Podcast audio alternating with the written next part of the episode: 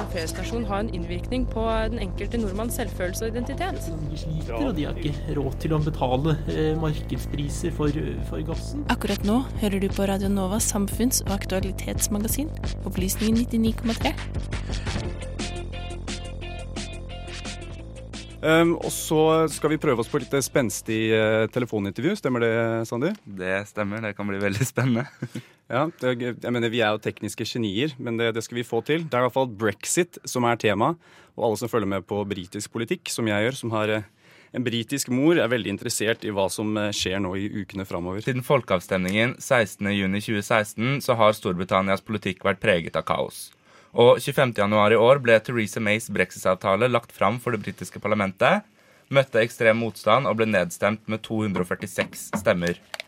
12.3 i år skal Underhuset i England stemme over avtalen nok en gang, og dersom denne avtalen ikke blir vedtatt, følger avstemninger om en no deal brexit eller en av, utsettelse av uttrekningen. For å forstå mer av hva som foregår, har vi med oss Christian Steines, professor i moderne europeisk historie ved NTNU, på telefon. Hei og velkommen. Takk for det. Yes, eh, Kan ikke du bare begynne med å fortelle oss litt om hva det egentlig er som skjer akkurat nå i Storbritannia? Jo, det som du sa, altså, det er jo eh, spørsmålet om hva som skjer akkurat nå. Hvordan en skal komme seg ut av denne situasjonen en har kommet opp i. Nå er det bare en måned igjen til britene skal ut av EU den opprinnelige planen. Og spørsmålet er om det blir, og på hvilke betingelser og hvordan en skal løse den floken med at det er ikke enighet i parlamentet i Storbritannia. Yes.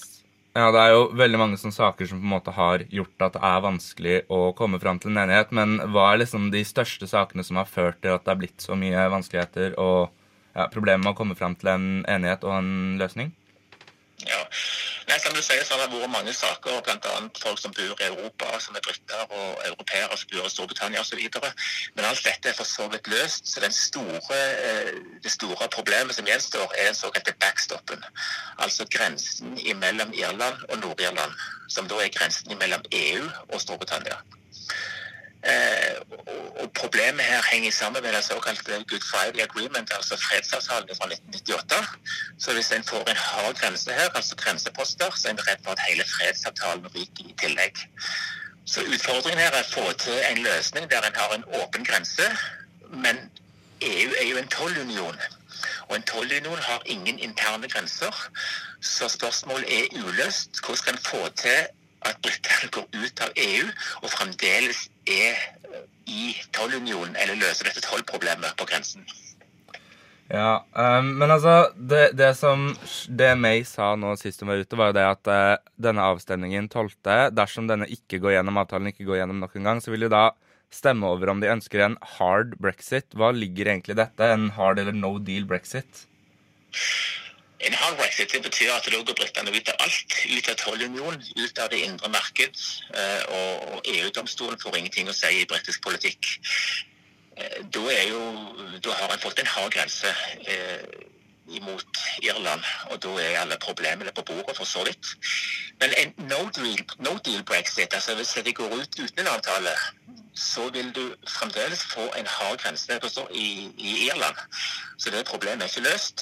Så da får du grenseposter der. Samtidig som du får sannsynligvis masse store økonomiske problemer i Storbritannia med matforsyning osv. Så, videre. så det, det, det kan bli ganske alvorlig.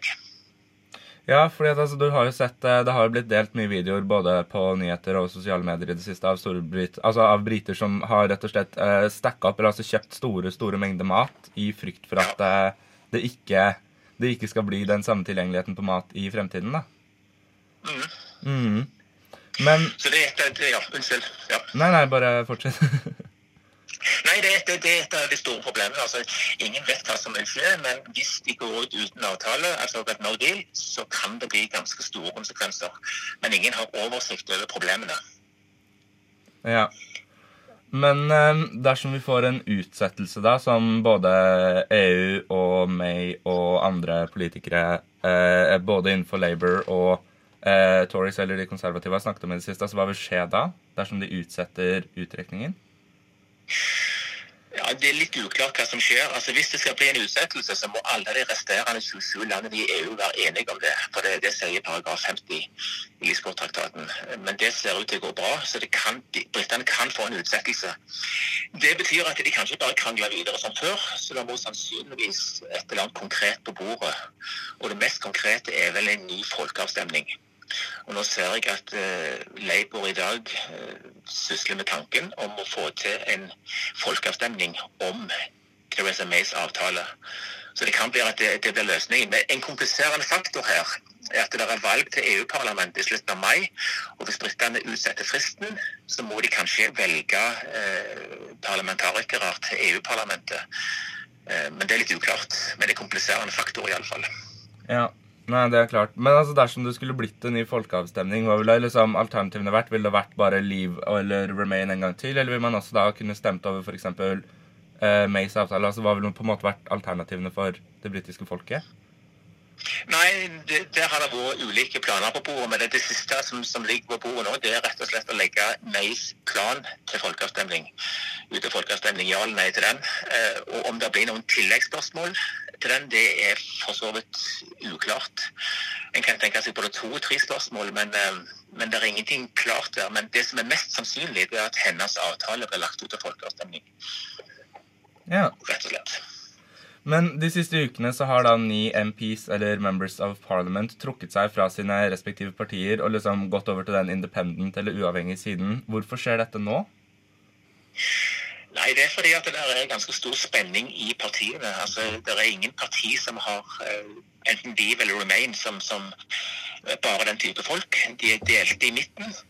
Uh, og mange oppfatter både de som vil ut og de som vil bli, som ekstreme. og Derfor er de mest moderate nå liksom usikre på hva de vil gjøre, og har, og har meldt seg ut og, og, og danner en slags sentrumsblokk med en sånn myk brexit som, som plan. Mm.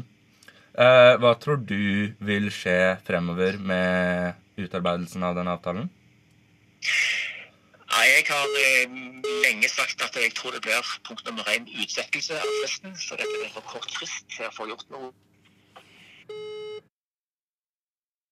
Nei, eh, da ser det ikke ut som om vi får eh, kontakt med med Christian Steines fra NTNU, som vel ja, det er jo utrolig kjipt, det. Men eh, jeg håper jo i hvert fall at vi fikk lært litt eh, mer om hva som skjedde. Og så kan jo for så vidt tekniske problemer skje hele tida. Eh, tusen takk til Christian for at han kunne svare på disse spørsmålene for oss.